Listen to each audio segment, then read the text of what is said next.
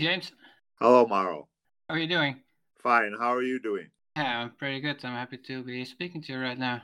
It's been a good week of summer weather, really. Yeah, for sure. I also enjoyed some time at the beach. But we are here to talk about cannabis.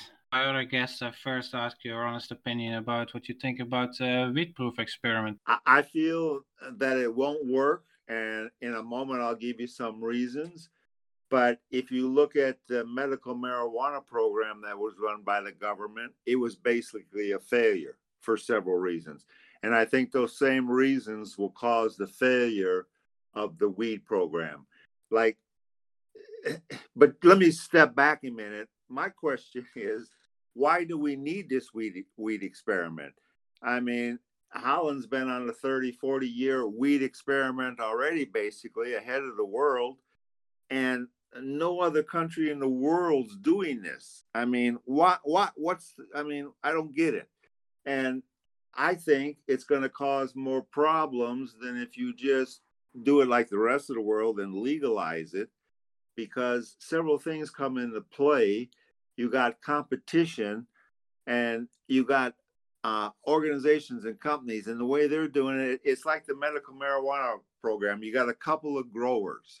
You know what I mean? That's not the best way to get the best product. And I don't see the weed program overcoming the hash problem. I mean, here's a couple of points about the hash. They grow it in Morocco on sides of mountains. You know, it takes a hundred kilos to make eight kilos of good hash. They got cheap labor. You know, they got free sunlight. So you're going to grow hash in Holland under electricity with high expensive labor. And the other thing is nobody can grow marijuana in Holland without pesticides. So my question to you is, are we going to be smoking concentrated pesticides from this concentrated hash they're making? It's never going to work. And you cannot beat the black market price in hash in Holland. And another thing people don't like to hear this, but this is the truth like Holland is not marijuana land. Let's be honest. We don't grow pineapples here because there's no sun. We don't have the weather. The best places in the world that grow marijuana don't use pesticides. California, Florida, you name it, Morocco, they do not spray the, the whole mountain range with pesticides. They don't need to because nature takes care of it. But in a glass house in Holland, when it's 30 degrees Celsius, and you know this, I know this, I don't care if you're growing in your house, in the glass, I don't care where, you're going to have insects. And nobody, nobody grows marijuana in Holland without pesticides. Even Bedrocan, there's limits, you know, of what they can use, but everybody uses pesticides. So that's not a great issue for me. I, I, I would say you can there again you can import marijuana from california florida wherever even hash much cheaper than you can produce it in holland. Labor's too expensive electricity's too expensive buildings are too expensive. This is not the place to be growing marijuana. You know this it doesn't grow good outdoors. This time of year right now it's starting to rain. Everything is molding today skimmel everywhere you know and it's not really marijuana land. And so I don't see the price being, you know, at a reasonable competitive price, just like the medical marijuana. You don't have a limited varieties, the price, it's gamma rate. You don't have any options of edibles, oils, any other options. It, it just doesn't. It, the, the medical marijuana program is a failure for those reasons, and so is this weed proof. You know, because they are not going to get underneath the price that the black market can raise it. Because I did raise for the government, and that's all extra money. Think about it. You have to keep track of all this weed. That's extra paperwork. You have to transport this weed in Brinks trucks is, is a valuable substance, you know. When you read through some of this stuff, it's pure craziness.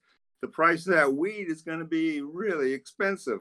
You know, plus you got the government controls that you have to meet, like if you're a government grower, you got to have a mouse control that you got to pay every month. People come and check the mice. Private growers don't have that. You know what I mean? Mm. And same with they don't have all these other controls that I had. The inspections the government has. They walk through the building two or three hours every day, once a week, whatever. it this takes time. It costs you money, it costs the grower money. They can't compete. So I just from from that standpoint, I just don't I don't see it. And and my other question is, okay, we do the weed program, it doesn't work. What then? Yeah. We go back to where we were, or we just status quo, or we start all over. And I, I just don't see any other country in the world going down this road. And there's a reason, because it's it, it it's not going to work. And like I say, Holland should be smart enough. They've been traders that the way to, to do this is get some competition in there. Same with the medical marijuana. If there was 10 growers, the price would be a lot cheaper. You'd have a lot more varieties. You'd have oils, edibles, but you got a monopoly, which isn't even legal in Holland and the EU, EU, you know? So yeah, I don't I, I don't see this, I don't see this working. And like I say, they already had enough experiment with coffee shops, marijuana growers, busting the police. Everybody's had experience with marijuana here. I mean, it's not a new a new drug or nothing that they don't know. So I, I don't even see why you need this weed experiment. And think of the money that it's already cost in all these meetings, these people's dinners, and what it's going to cost in the future. You know, who's paying for all this? Yeah, there, those are wise questions. Yeah. Hey, and, and, and let's go further. If you're working for the government, just like I was, they require crop insurance. That costs money every month, but they want to make sure you don't lose your crop. You know, you're going to have to have insurance on your employees, the buildings, all this stuff that costs you extra money that, you know, you can think like back when I was legally growing, I was growing marijuana documented for 54 cents a gram. But when you start taking in other stuff like uh, legal transport and this and that controls, they got to come bag this and it can only be in a limited amount of 100 gram bags. I mean, that's all extra production costs that you don't need. I mean, look at the medical marijuana program. They put it in five gram things. I mean, how inefficient is that? Somebody that uses 100 grams, I know patients use 90, 100 grams. You know, you get 20 jars a month. I mean, what's this five gram thing of? Nobody else in the world does that either. You can go to the doctor and get five grams. I mean, it doesn't make any sense. And production wise, it's isn't efficient because you know the more you produce and the bigger you produce it, the cheaper it is. That's how it works. And when you're making these little five gram pots, you're making it the only way you can make it more expensive you put it in one gram pots. You know what I mean? I mean, so I I just don't see like, you know, this all working. And not all the grow shops or all the coffee shops, either one, have to participate. These other people with the government are going to have a tough time competing, you know? I just, you know, and and like me, just like when I sold the marijuana, I sold it to the government at two and a half euros a gram. Time they took the control money out, they had to take their salaries out for the. They still do for the BMC. You know, that's. It ended up to be about nine euros a gram. You know, they had almost two and a half and, and almost seven and a half grams onto the price, and that was all because it had to be gamma rayed it had to be packed in Belgium. Why was that in Belgium? You know what I mean? This is transport costs. Everything was done the most expensive way.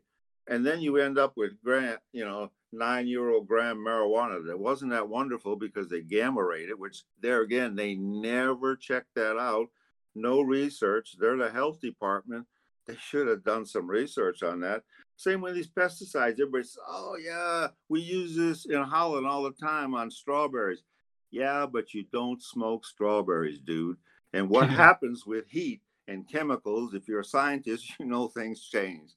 And it may be okay to eat some st- pesticides on a strawberry, but I don't think anybody is going to recommend to put it on your tobacco and smoke it.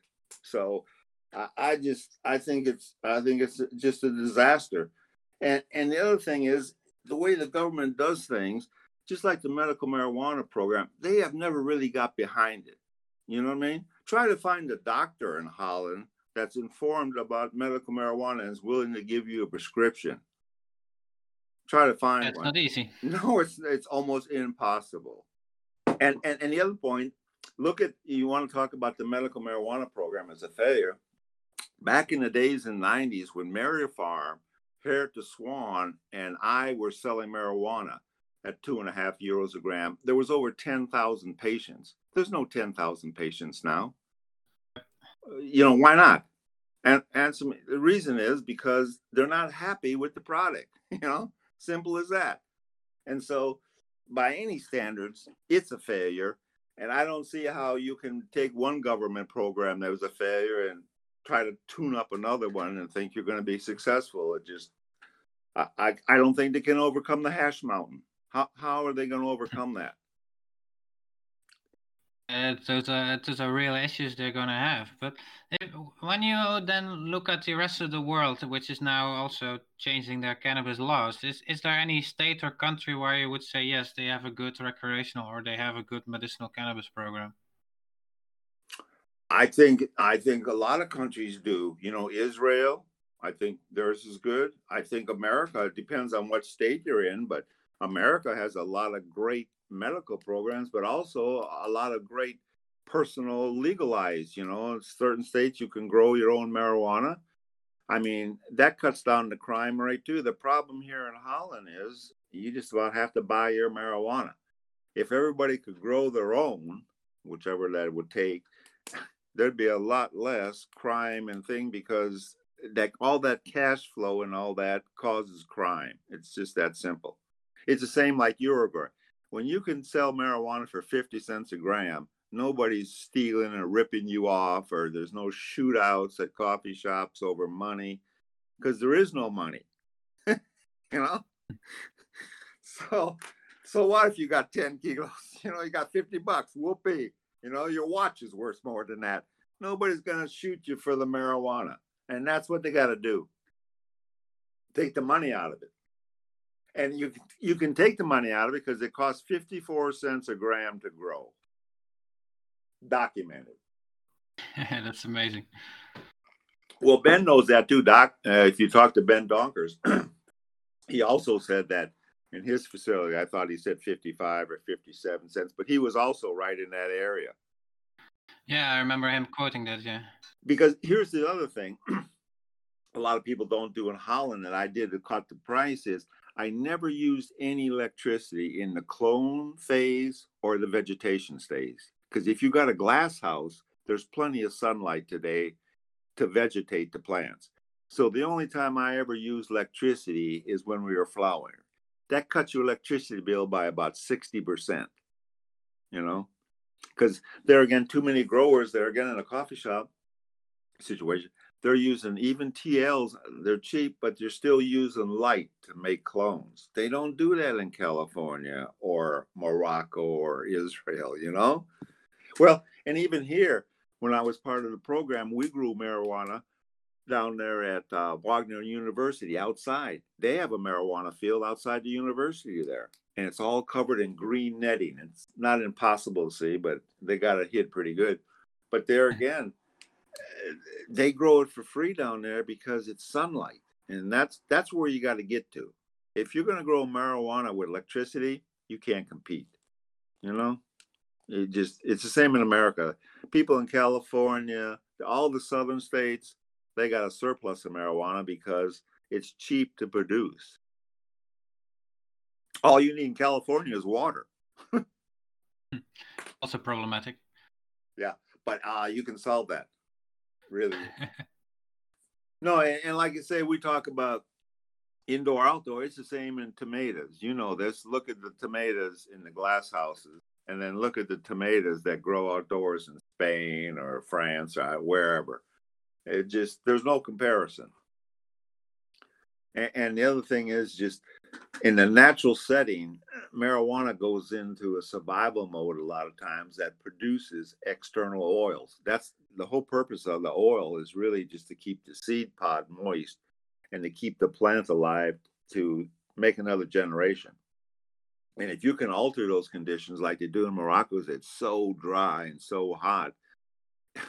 and when you walk through there, you end up getting all sticky because it's just producing oil on the leaves and everywhere to try to stop the sun from sunburning it. It had happened here in Holland just last week. I got an orchard. A lot of the apples now are ruined because they got sunburned. Got too hot. Did you ever go uh, back to the United States, you think? No, I, I don't think so because this is another long story, but I'm a veteran and I didn't have a good time over there. yeah, and, uh, imagine. and also, it, it's like this the Romans went up and down, so did the Greeks, so did the Dutch. The Dutch ruled the seas at one time. They're not ruling the seas anymore. Same with Americans. They were great during the 30s, the 50s, maybe 60s, but since then they've been crumbling and they're getting worse and worse. And look at look at society today. It it's just chaos. I mean, between everything that's going on, I I think there's trouble ahead for America, and I don't really. And a little bit too old too. You know, if I was 42, I would head to California someplace and grow outdoors because that's really where it's at. You know, because you're not using pesticides. Because even these growers that are using that shit, it event if you use it for 10 or 15 years in a building, it's going to catch up with you. And you can wear a breathing mask and all that, but that don't take 100% out, you know. And so the people that are spraying that and all the chemicals, you know, they're going to pay a price for it. And the other thing you're going to worry about all the time with all this is, you know, 20 years from now, they say, oh, yeah, you, you got lung cancer. Yeah, but was it from the marijuana or all the chemical smoking you did with the chemicals they sprayed, you know? And you know how it is in the business too when it's not regulated. People spray 7 Up on it to make it sparkle. But yeah, 7 Up isn't really good to smoke, you know? but it's about the money. And there again, if it, if it was 50 cents a gram, nobody's going to waste a bottle of 7 Up cost you a euro, you know what I mean? So yeah, it, it just Eh, the problem is that it's it's because it's illegal it's it's it's too much money. And all the little people are gone. It was easy for the police to round up all these guys and they're growing in upstairs in their bedroom or whatever the garage you know. But the serious growers they haven't even touched you know because they're in insulated meat buildings that a, the helicopter with infrared doesn't even see. You know you see it they're underground they're in northern Germany, all camps of people growing marijuana and then ship it back. So yeah, I don't I, I don't know. I, I I don't see it. Actually, uh, contact you to get involved with uh, one of these uh, weed-proof uh, plants. No, and no one no one ever asked me about the weed proof program, you know but you know i'm kind of on the other side of the fence with the government you know i, I took them to court three, three times so i'm not their favorite son. Plus i've been a big outspoken thing of gamma rayed marijuana turned into studies you know. So they don't you know they don't look for my advice no but But one of the private initiatives, I mean, you're one of the few people who can actually put on their uh, CV that they have legally grown cannabis on a large scale. Yeah, that's true. Um, no, nobody's really contacted. A couple people that have contacted me are people that were interested in doing it, but after they talked to me, they decided not to because a lot of people don't take in the fact. Yeah, of security. You know, I've known people in Holland where they've had whew, maybe a thousand plants. People come in with electric cutting saw, chainsaw, tape up the people, including the children. Now, this is a real life story. The wife cut down the plants and then go. You know, when you got that kind of marijuana in the building, you you take the interest of some groat youngins, as they say in Holland. You know what I mean? And yeah, I don't know. I just there again, you know, you better have small areas of marijuana than some place of you know fifty thousand plants. Look at in California too. The the sex security is the biggest thing, and like I say, when I talk to these people, you got to think about you know they'll even come to your house and round you up and go get your plants. You know, so yeah, because that's why the government is also in this weed program going to transport it by security because that kind of money, you know, if you got a hundred thousand dollars worth of marijuana in the car, some people are going to be interested. You know what I mean? so, yeah. So after I talked to them and all the hassles, and really, they didn't realize the hassles of employees. Like when you got 25, 30 people, you're going to have people that steal from you all the time because it's money on the table. I had people that put hash all day long. They would work cutting the plants and they would build up balls of hash and put them in the crack of their ass and go home. And we would have an inspection of the bags or thing, but nobody's checking their ass. You know what I mean? And they would go in the toilet and just pack their ass full of hash. I mean, the only one of the reasons I found out this guy how he was doing it was his mother called me up and said, James, what are you paying this guy? My son just bought a thousand dollar leather jacket. He bought a new motorcycle. He's going to Ibiza for a month. What are you paying him? I told him, I said, you know, about 15 euros an hour. oh, he's just oh, he's a janitor here, you know. And uh, yeah, that's how I found out. And like I say, you don't realize when you got that kind of volume how easy easy it is for people to steal from you. I had people come to work that had special pockets sewn in their clothes so they could take about, you know, 30, 40 grams of marijuana home. That six days a week, you know, adds their salary at the end of the week, you know. And when you got hundreds of kilos, you can't keep up with this 25 grams here and this 50 grams here. You know what I mean? Mm-hmm. It, it's it's uh because you got waste you know, people we had mold even there or waste that has to be clipped away. Well, yeah, maybe it was only 100 grams of waste, but they put down 150. You know, it's a different business than just a normal business because you got that factor involved. People see this kind of millions of dollars. It's the same in the coffee shop business. They see these millions of dollars flowing through the building. You know, it's some people get tempted and they're clever. I mean, they're clever. Even in me, with they used to bag up marijuana on the night shift and then throw it over the fence. you know, pick it up the next morning. I mean, people are clever. People even snug out the car, pack it in the car, anything. It's just, and the more employees you get, I mean, really, if you're doing serious, you're going to have to have 50, 75 employees in these places. It's hard to keep track of that, you know. How many did you have? I had 22 because the clipping is what the killer is.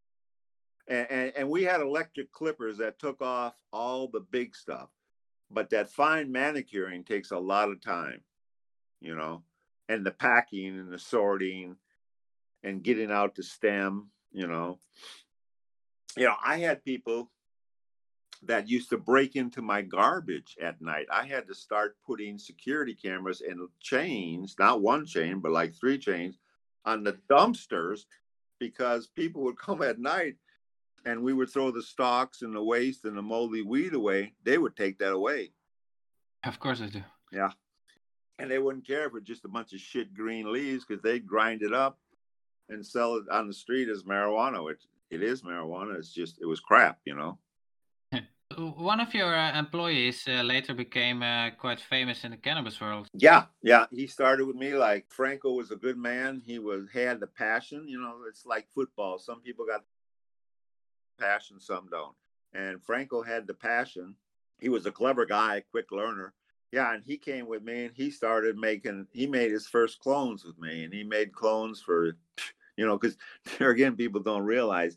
Okay, yeah, you make a hundred clones. That's fine but make 10,000 clones and make a schedule and all that and, and put the planning schedule on to do 25,000 plants.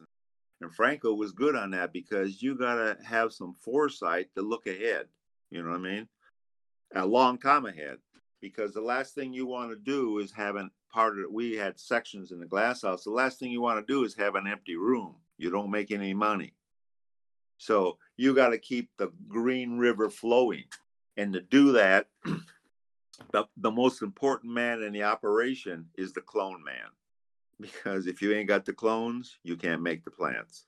And the clone man takes care of all the mothers too, and that's that's important too. And there's there's an eye for that. And just Franco had it.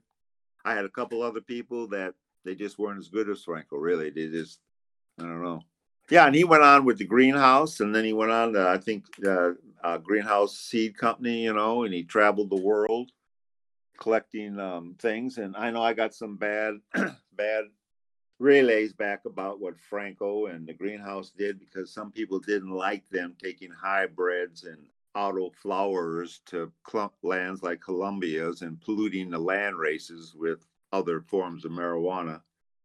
But yeah, I don't know. It's two, there's two sides to the coin there, you know. So I don't know. I, will stick with Franco, and like I say, they were trying to do something good. If some people thought they weren't, and they they did they screwed up the land races everywhere. I'm yeah, I don't know. So I, I have in front of me here the numbers of the operation you had going there, which said you had about 5,000 plants and 276 different strains. Um, I thought it was a uh, yeah numbers. I'm not so good. Yeah, it was about 136 different ones we had because what we did in the beginning was we just went out and bought everybody's seeds from Ben, from Neville, from the Serious Seed Company, which was Adam back then. He was he was pretty big in the seed company. Now he's back in Colorado. But anyway, um, all the major seed growers, we had even bought hemp seeds from companies in France because we also were trying to produce a placebo plant. And so we were trying to do that with hemp because we tried it with TNO and two or three years we were putting in about mm, 25,000 a year and they were putting in the rest as a co-partner to make a placebo plant with true marijuana. But the problem we were having was that the marijuana plant is such a survival technique that if you block the gene path one way, she tries to find another path out the flower. So and, and build THC. So I don't know we worked on it for a bunch of years. It didn't work. I went out of business because the government put me out of business. There again, if it wasn't for the government, I would still be in business because I had the most, you know, sales and I was doing the best. I had been 15 years in business. I'd still be in business if it wasn't for the government. They put me out of business, you know. And so, yeah, we tried to make the placebo plant. I went out of business. Then um, Marcel DeWitt, from Maripharm. They picked it up for a couple of years, and eventually um, they did produce one. So, um, but here again, they went through all this work, went through all this money, and they really didn't do nothing because that's another sad story in Holland is no research. I mean, other places like Israel, you know, Uruguay, California, blah blah blah. Research is on fire. CBD, CBG, you name it like what's happening here in Holland? Yeah, I don't hear nothing. yeah, I can uh, maybe yeah. barely uh, name something, but uh, a, to be honest, few, yeah, a few things. Uh, I, I agree, and and those have come recently. But I mean, even back in the years, it hasn't been hasn't been much. You know what I mean? And we had to lead at one time, and the problem now is a lot of these processes and even some of Ben Dronker's seeds in America are already patented with their processes. So for, for now, for the Dutch to try to get in the game, we're a little bit late, you know, because a lot of things are patented up, you know, especially, um, you know, the company in England, you know, they, they patent everything up, you know, because, yeah. And they got all the plants, they got like all, a lot of the processes patented. So yeah, if you want to do it now, you got to pay them some money. But we could have done it in the beginning, you know. And they were on the right path when I was first starting. We worked a lot with TNO. They used to come down to the greenhouse and collect plants and put them in liquid nitrogen and take them back. And they were doing eh, um, some experiments and doing some research with the MS Society, but yeah, that all stopped, you know. For what reasons, I don't know, but it's for me. I feel like uh, Holland dropped the ball. They had it, you know, and they were ahead of the world. Even in the varieties, they were ahead of the seed companies. They were ahead of the world. That's not true anymore. You know what I mean? And we're not the, we're not the great marijuana land that we once were. You know, and uh, Yeah, I don't know. It's it for me. It's a sad story because it's kind of like the revolving door. I came here because it was shit in America, and they were arresting everybody and taking their property and wouldn't let you grow plants, and it was expensive because it was illegal. And I came here in 890. It was much better, but now it's exactly back. I'm back in the same boat I was before. They'll take your property. You know, I don't grow any marijuana out here because they will take your property and they will tax you and it's not legal and people give this stuff oh you can grow five plants that's a myth you know even here in Leeuwarden I had one plant with some bamboo they made them cut it down uh, so I don't want to hear this five plant five plants if the police don't know about it but if anybody knows about it there's no law show me the law that says I'm allowed to grow five plants you're exactly right. Yeah, there's only a police guideline that says uh, you can have up to five plants. So we, but if they get a tip, they can still come and yeah. take it. You don't, you don't have a leg to stand on. No, and the other thing that varies from police department to police department. That might be true in province, but that's not true in Leeuwarden. You know, or up here in some of these other Friesland areas, Dokkum and all that, you know, it's it's just not allowed. Zero tolerance on plants. You know, that was the chief from Friesland. I got him in paper. Just he ain't gonna have one plant. So it, there again, that's the problem. If there's no law, it you it can be it's too flexible. You know, one mayor says yes, the other mayor says no. You know, so then you it's where you live.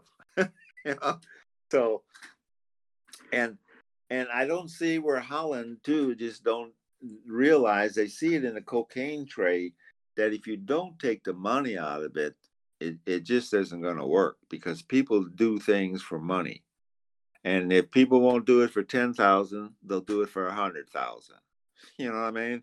So you just got to jack up the price, but they will do it. So as long as you keep the money game in there, it's difficult, difficult.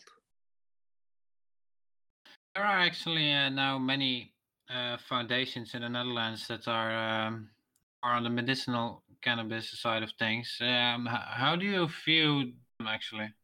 Yeah, it, there's some good things and there's some bad things. I mean, look at what they did to the growers of CBD. You know, up in Groningen, people are making tea or that, or even uh, Rinus, you know, and his THC oil. I mean, still pretty hard-handed, I think. You know what I mean?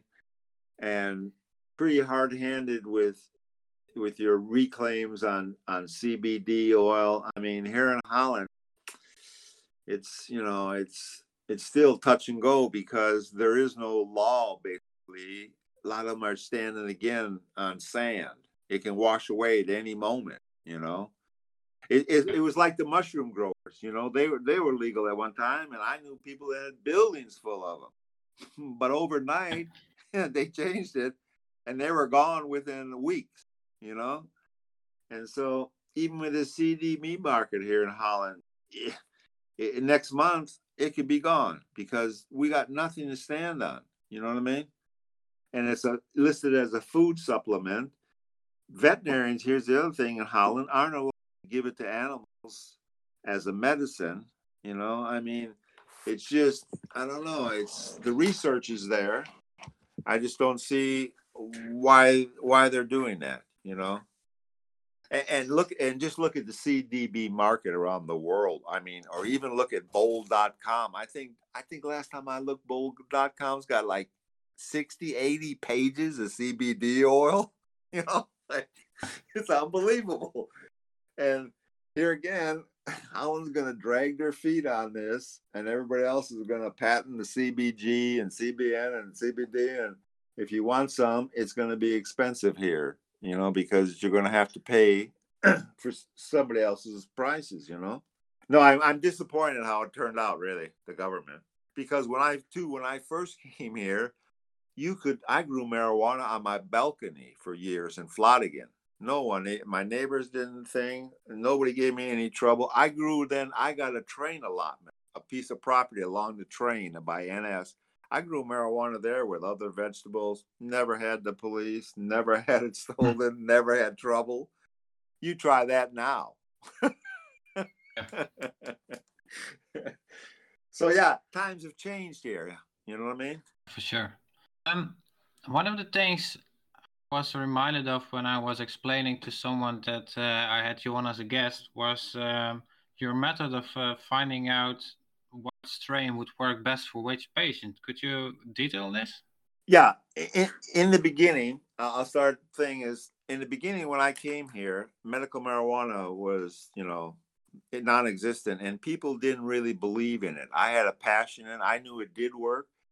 And so to try to make it work, what we did in the beginning was because we are also new in the wilderness and there was no marijuana doctor in Holland that you could go for advice, is we gave each patient three types of marijuana. Let's say you're an MS patient.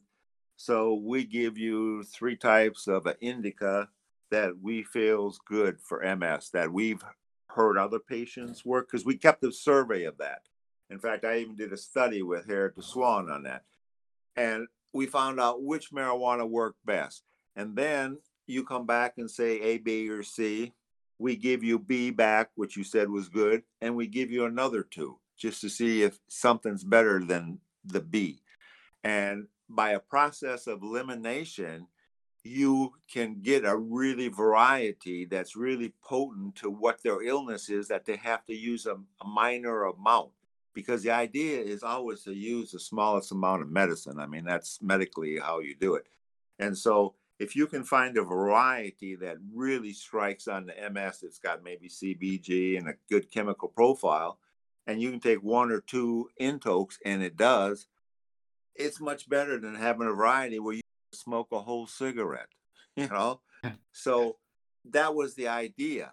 And, and that's one of the problems now with the pe- with the program is there's a limited number of varieties. And the problem with doctors is this is a this is a time involved process. I mean, you're talking about three varieties. He comes back in 30 days. We give him some more. He comes back in another 30 days. He come back and give him another 30 days it's easier for a doctor just to give them that diazepam a pill and say, you know, go to the apotheke. It's that simple. You know what I mean? So even treating cancer, MS, whatever you want to, it's a little bit more involved if you don't have a doctor who has an eye for it. And we don't have that in Holland. You know, in California, America, Israel, people have treated tens of thousands of patients. They got an eye for it. You know what I mean? they know that this variety of indica does best on cancer, lung cancer patients. And so there again, they go directly to those varieties and don't start off in the field of sativas or whatever the government has for sale. You know what I mean? That also limits you. Because if it was open competition here for medical marijuana in Holland, people would have developed varieties that were specific for MS or specific for cancer. That hasn't happened here. That has happened in America. Even in the CBD variety, you know this, it started out with a little girl. And from that, they developed it. And that's not happening here in Holland. And that's a sad story, you know. And I feel sorry for all the patients that could be treated better all the time I feel bad for cancer patients that throw up day after day that wouldn't have to do it if they just knew had the right marijuana. And for that, it's, it's a sad. That's also a sad story because a lot of these people and patients are being cheated out of pain medicine and just a positive attitude. Because when you're terminally sick or even sick seriously, one of the best things you got to do is keep your mind positive and you to try to win and, and keep your immune system up and everything that all comes from positivity and that's the other thing marijuana does besides giving you the chemical profile that you need maybe for the cancer it it gives you the uplifting in in your mind and that's also important as a healing you know that's why doctors have the family around why they have a good meals they're trying to uplift your spirit yeah, that's an interesting point you make, but which uh, I, I hear almost nobody make. Uh, sometimes they come up with the arguments that yeah, it's uh, it, it's medicine. It's not supposed to be nice. Yeah, but how about how about all the people that they give anxiety drugs to or pain pills? It, it is nice for them. A lot of people are floating around because they're on 10 milligrams of diazepam. You know I mean? And so, yeah, I don't know. That's the idea of medicine. I mean, that's even in a dentist's office. That's why you, they give you a shot or you get pain medicines for when you have your teeth pulled out. I mean, that's the idea is to try to make the patient comfortable. And so, yeah, I don't know. I, I believe in positivity. I think any doctor would agree that somebody who's laying in bed dying is saying, well, this is hell and I, this is then I ain't got fair and this blah, blah, blah. That doesn't help you recover and that doesn't help your immune system. And yeah, it, that's why it's better to keep positive people around because that's the way to keep up your spirit and your immune system and your health, you know. And so I think it is a good thing that marijuana makes you feel positive. But yeah, that, that's my opinion. But I've seen it work in a lot of people because the other side of all this cancer and MS or whatever disease is, you got the physical thing, but you also got this mental battle and a spiritual battle. And so it's it's good to have that, I think, really.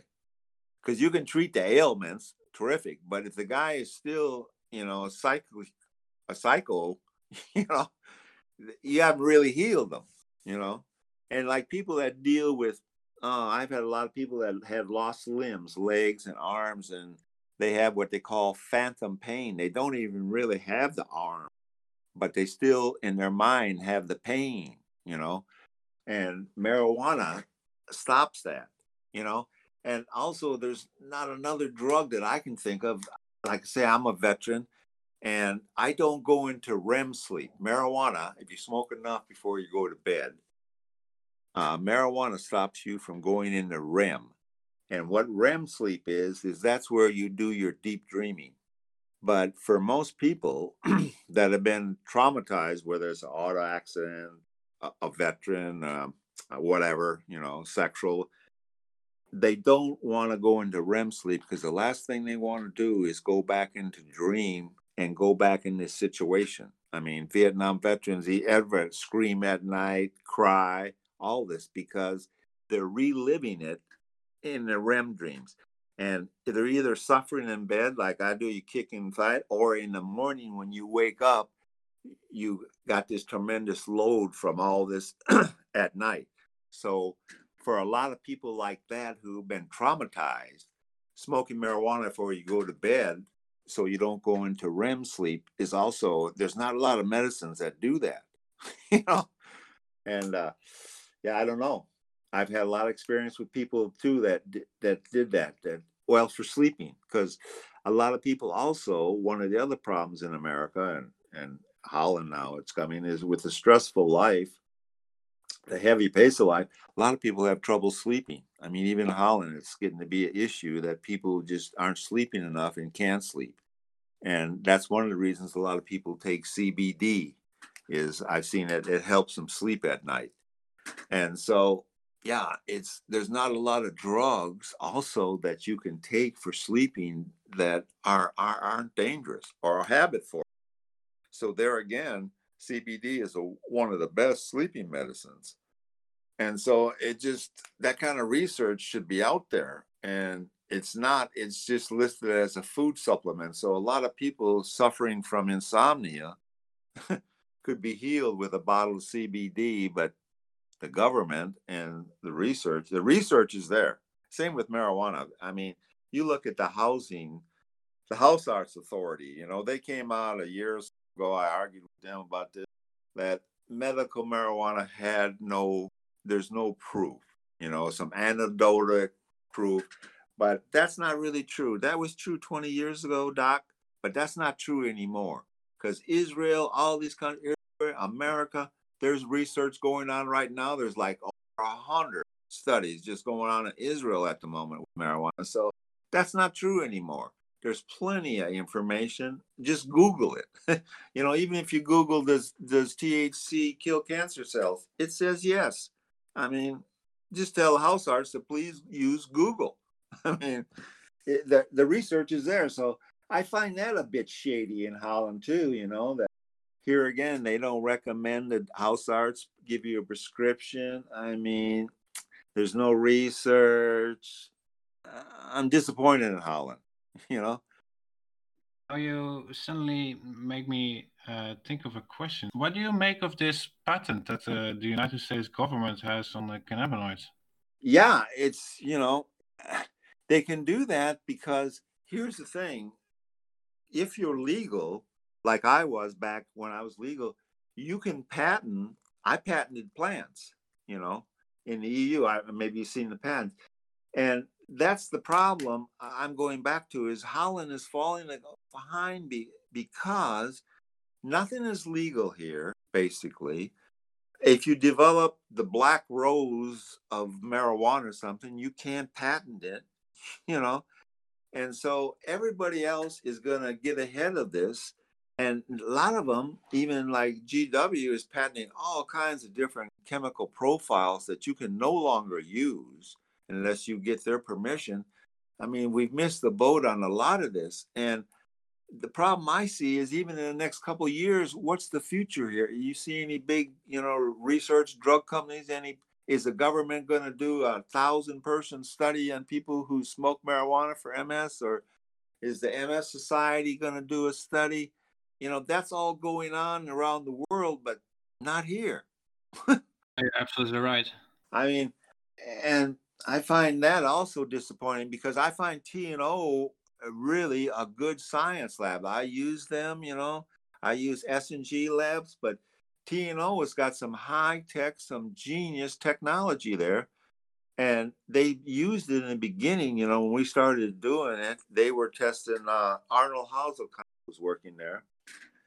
And um, really, Arnold uh, grew up too with me through the marijuana because he used to come to my place twice a week and collect samples and take them back and find out the oils were different colors and different percentages. And so TNO had a good foot in the door. They even had bought some special equipment. One was, I thought, a million guilders or euros. I can't remember back then. It might have been a million guilders.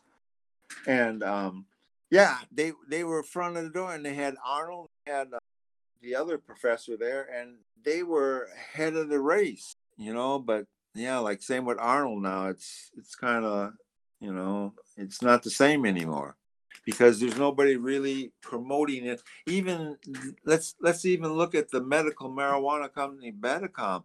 What are they doing to pr- promote medical marijuana, or what kind of research are they doing? Or what kind of patient studies are they doing like Maripharm and Heritage Swan and Sim used to do? I don't see them doing any patient studies.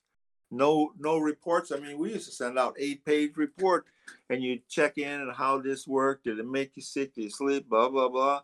And and when you collect a thousand opinions on one type of marijuana, you can draw some kind of basis from that. You know, what it's good for, what it's doing, what people make dizzy, blah blah blah that ain't happening here either. It just, you know, and the government isn't pro medical marijuana here. What where you ever see where they ever promoted medical marijuana, either on advertising or to house arts? And that's another failure of the medical program is back in the days when Maripharm, Heritage Swan, and I were doing that, we used to go to the hospitals. Even Heritage Swan used to hold seminars for nurses. And we used to hmm. even go up to the AMC, and the nurses used to love us in the beginning because there was a lot of cancer patients that they puked all night long, and these nurses had to clean it up. And we started coming there with balloons, with vaporizer. We had the the old, you know, the vaporizer I'm talking about, yeah, and it fills it up. And we put the patient's name and the date and blah blah blah, make it all medical, legal and thing. And we would we would bring a big bag of these to the cancer ward. And back then, they wouldn't do this now, but back then in '92, they would let the patients would sign a thing, and they would let them suck in the air. And after a couple days, the people started puking. The nurses they were looking for us to come. You know what I mean? Because their job got a whole lot. And there again, uh, it was it was a part of what Maripharm and everybody was doing to promote and teach medical marijuana. Doctors, you know, doctors also started catching on. The nurses would say, "Hey, you know, up in the ward, we're having less of this and less throw over giving and blah blah blah," and you catch the interest of the doctor. But there again, because of the attitude in Holland, I know many doctors that believe in medical marijuana, but they don't want to come out of the closet because the government here isn't in favor of a medical marijuana doctor. Nobody wants to be known in Holland as the marijuana doctor. Where in Israel and America, doctors in, in California beg to be the marijuana doctor because they make a lot of money from you know, writing prescriptions all day long. And uh, so, yeah, that's the other thing. It's just, it's, it's still taboo in Holland medically. You know what I mean? There's, yeah, there's no medical society or doctor or or nurse or nobody speaking out in behalf of medical marijuana you know and everywhere else in the world one of the great guys just died you know the guy who invented thc and or discovered thc all those kind of doctors uh, dr lester grinspoon blah blah blah the list goes on and on these kind of people were actually promoting medical marijuana you know what i mean giving speeches, doing research, giving money. Dr. Lester Soda gave a lot of money for medical research. Here, there again, ain't nobody giving money for medical marijuana research, you know? And so, yeah, I, I just find we're like we're dragging our feet in the sand. And and the problem, like you say, is one day it's going to be too late because the U.S. has already got a lot of patents. GW, blah blah blah. This goes on. Um, the companies in Canada too, you know, they're also patenting specific growing up, up processes where certain lights with certain fluids and water. So if you want to grow your plants that way, you can because they got the patent. And they can come and sue you and take your plants away you know? So uh, I, I i don't if we don't wake up soon another five or ten years it's going to be too late. Holland is no longer going to be marijuana land or research center uh, you know blah blah blah of this. And it's sad because the opportunity was there well it still is but it's fading fast as you know uh, um, to get back to the plants, and the the famous picture that was made uh, from you in this uh, doctor's garden, it's, uh, it's it shows a big sea of green. Uh, how big was this room? And this wasn't the only one, right? No, um, in fact, that's the other thing. Well, the growers will do that. If you want to grow several different varieties, you can't grow the varieties all in one room because I was thinking that uh, a lot of the varieties de- uh, demand different light requirements. Sativa's more light, blah, blah, longer light. So we in the glass house broke it down to six big sections. And so that was a one section you're looking at that famous picture. And that uh, was an Indi- uh, indica plant called the Big Bang. Okay. And um, the reason we grew that is because at that time too it had a lot of CBD. We were we were just catching on to that, but in 95, 6, that wasn't, you know what I mean? Because even back then, we used to make oil, but how we did it then was we used to take all the, the plant and grind it up and make it into a fine powder. And then we soaked it in olive oil and then filtered it back out. And you can see we used to sell uh, oil, and we even made a cooking oil because um, you could use it on a salad, you could use it in a frying pan, and um, the oxidation in, of heating it actually helped it. And so we made the oil, and a lot of people liked the oil, especially older people, because we had a lot of cancer patients. You can imagine somebody who's 93 has never smoked a cigarette in their life. You know what I mean? And you're asking them to smoke this joint it's very difficult for them because it's choky. They don't really know how much to suck in, how much to blow out, blah blah blah. They start choking, coughing, um, and and so it's difficult. So for a lot of older people, we were using oil, THC oil, and CBD oil, which is Big Bud had, uh, Big Bang, sorry. Um, it wasn't the Big Bud, it was the Big Bang. Anyway, um, we used a lot of oil for older patients that didn't smoke or couldn't smoke, you know. And um, also, and, and we d- did a lot in Winterbike. We used to, there was Winterbike, there's a lot of pension homes in that area, and they have their own um, pharmacy, apotheke by these pension homes. And we used to deliver a lot of oil to those places because not only was it good for uh, their cancer patient or MS, but the oil also helped them to move their bowels properly because old people have a tendency to be constipated. I don't know if you know this, but it's old people stuff. and so a lot of people have to take uh, Metamucil castor oil and drink a lot of water to get their bowels moving. But with this marijuana oil, it because you're taking, you know, six, eight uh, tablespoons of oil every day, they never had to take any constipation medicine because that oil was lubricating their system. You know what I mean? Yeah. So that was a little bit of side benefit of oil, and we didn't even realize that until much later. You know, and and there again though, it's it's like this too. There's no medicine that works for everybody and everybody's body chemistry is different and everybody's body temperature is different and blah blah blah. And for some of the people the oil worked good but i did have patients that they couldn't take the oil because it made them have diarrhea. They got too runny. You know what i mean? Oh, yeah. and so there again it depends on your body chemistry and your metabolism and these different things that regulate your body, whether you can do that or not. You know, and that's the same with any medicine. Some people can't take paracetamol, some people can, you know, because different bodies, different strokes. And so there again, the oil was good for some people, some people couldn't do the oil.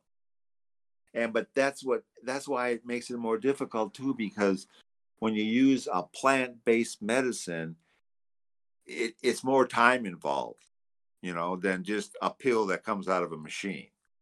And also, the pills that come out of the machine maybe have 10 years of research that they know all the side effects and this and that, where you might develop a new plant like the Big Bud or whatever. And it's going to take you a few years to learn some of the side effects of this plant. Maybe some people do have diarrhea from smoking this plant. I don't know. You know, so, uh, th- that comes out. You know what I mean? And some people said, you know, it's it's too strong a plant. You know, everybody's a little bit different. You know, and like I say, there again, that's why we tested out different varieties, three different varieties, and then another three, and then another three, because not everybody's the same. You may have this indica that's a wonderful plant that's 80% of the cancer patients say, ah, I ain't got no pain. Beautiful. I haven't thrown up, puked in in weeks. There's another 20% that say, yeah, this ain't working for me. Because they got different chemistry in their body, you know, different. So for those people, you have to get another variety. Maybe there's something else that works for them. But here again, it's time involvement. You know what I mean? But you come to a good place because same with sleeping medicines are very dangerous and habit these medicines, as you know, marijuana is really dangerous. It's not habit forming. You know, you're not going to get dementia from smoking too much marijuana. You can get dementia from taking too much sleeping pills, methadone. You know what I mean? So it's and and really that's the other reason we always try to look at in medicine as a doctor. You want to use the least invasive medicine and the smallest amount. And that was another reason why the search for match a variety to a person, because they can use less marijuana, so it costs less for you or for the insurance company. Also, that person has less side effects. If you only have to take one or two puffs, you don't get a sore throat because you had to smoke seven joints today. You know I mean? and so, if you can match the variety to the person, you come out with much better results. They come out with better results and they come out with less side effects, you know, because they don't have any toxic effects from medicines, chemicals. They don't have a sore throat because they're smoking too much. But yeah, it's, I don't know. And here again, this comes with time and doctors. And this is all happening in Israel, America. But there's no doctor here in Holland that I can think of that is doing that. You know, Dr. Drusel in Rotterdam was doing a number of years, and then he got in some trouble financially, other things in Aruba. He had a clinic in Aruba. and um, he was the only doctor that was doing that medical research, but then he lost his doctor's license in Holland. So he quit. And after that, and that's been 10 years ago, nobody's really doing anything, you know? What are actually some of your favorite varieties to grow back in the day? Uh, for me, I always like sweet marijuanas that were pungent. You know, I used to even grow. I used to grow a, a skunk plant, and it was a real skunk plant, not half skunk. And I would smoke it in some places, and some people found it offensive because I don't know if you ever know what a skunk or what it smells like, but it smelled like a real skunk. I mean, it was really offensive. You could never smoke it in a coffee shop, never. and even if you put it in your glove box in an hour, your whole car smelled just skunky, like terrible. People wouldn't even sit in your car. So I, I, I like the kind of weeds and, and see, that's another thing. Holland, I hate to keep diverting, but Holland's got away from those kind of marijuanas that I like because those are the worst kind to grow for the police. If you're hiding from the police, you don't want to grow uh, fruity Judy or you know big bud orange that the whole block smells like orange. You know what I mean? And so a lot of the marijuanas grown have really been developed to get rid of the odor you know? And so a lot of them don't really have a lot of flavor or a lot of smoke uh, i noticed this in holland when, when you go in a coffee shop you smell marijuana but you don't smell a lot of flavors. You know you go sure. you go to some other place like hell, you actually smell like boy it smells like strawberries in here. You know what i mean? And it's because you got this flavorful it's almost like incense and I understand too. I would, if you're growing and hiding from the police, you don't want to grow no strawberry hill where, you know, because your neighbors smell it, you know, and it's hard to filter out. And there again, illegality, not being legal, really restricts everybody. And that's, I enjoyed that liberty when I was legal because I could experiment with different plants, different smells. Because there again, if you're illegal, what you want to do is get your crop to the shop and you ain't got time to mess around growing wild blueberry to see if it's any good you know what i mean? Because you can't away when you're illegal you can't throw away plants. I threw a lot of varieties. We grew seeds from wherever. It, eh, they were no good. And you can only do that and waste time and money if you're legal if you're illegal you got a little small space or whatever space, you can't afford to waste space on experiments. You know what I mean? And and also it's that tends to get you caught because you're looking to do things like order seeds from other countries or do this or that some procedure that ends up getting you in trouble you know so everybody tries to grow eh, the most perfect plant if i could grow a plant that had no taste, I could sell a lot of seeds. you know what I mean? If you could have a plant that you could stand right next to it or rub it on your face, I don't care. I don't smell nothing, man. That's true. Or if you smoked it, I don't smell no what I see the smoke, but I don't smell nothing. you would have you would be could sell millions of seeds because for Holland, that's the type of plant you would want. You know what I mean? Not in America, because people want flavor and they want an odor. But here in Holland, there again, it's like I say, everything just kind of leads to the darkness here. I look at it, you know. I don't expect any big varieties or anybody to experiment because it, you know it's too risky. Uh, we've been talking for almost over an hour, and this has been uh, quite a roller coaster. Is there uh, anything we haven't talked about? Not, not really. Um, I, I think we covered a lot of ground, and like I say, a lot of there's a lot of fine. Points. Just I don't see the weed experiment with all the added expense of the controls and government and transportation, how you can compete on on a, on the market. I would be I'm for total legalization, and if everybody could grow a number amount of plants, the price of marijuana in coffee shops would go down, your crime would go down. And so I, I look at this weed experiment as a delay tactic.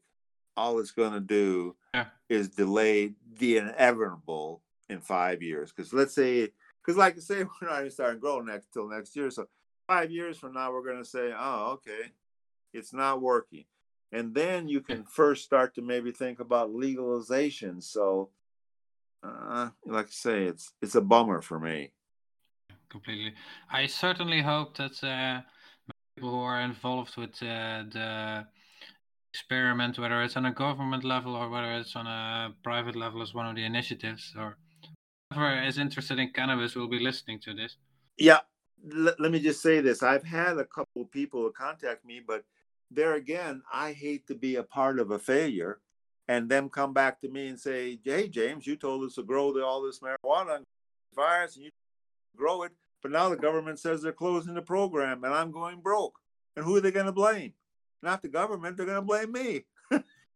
You know? And so I, I don't see it work. If it would work i would jump on the boat with somebody but I don't. I've been one part of government failure of a program, and really, it ruined me financially, psychologically. I mean, everything.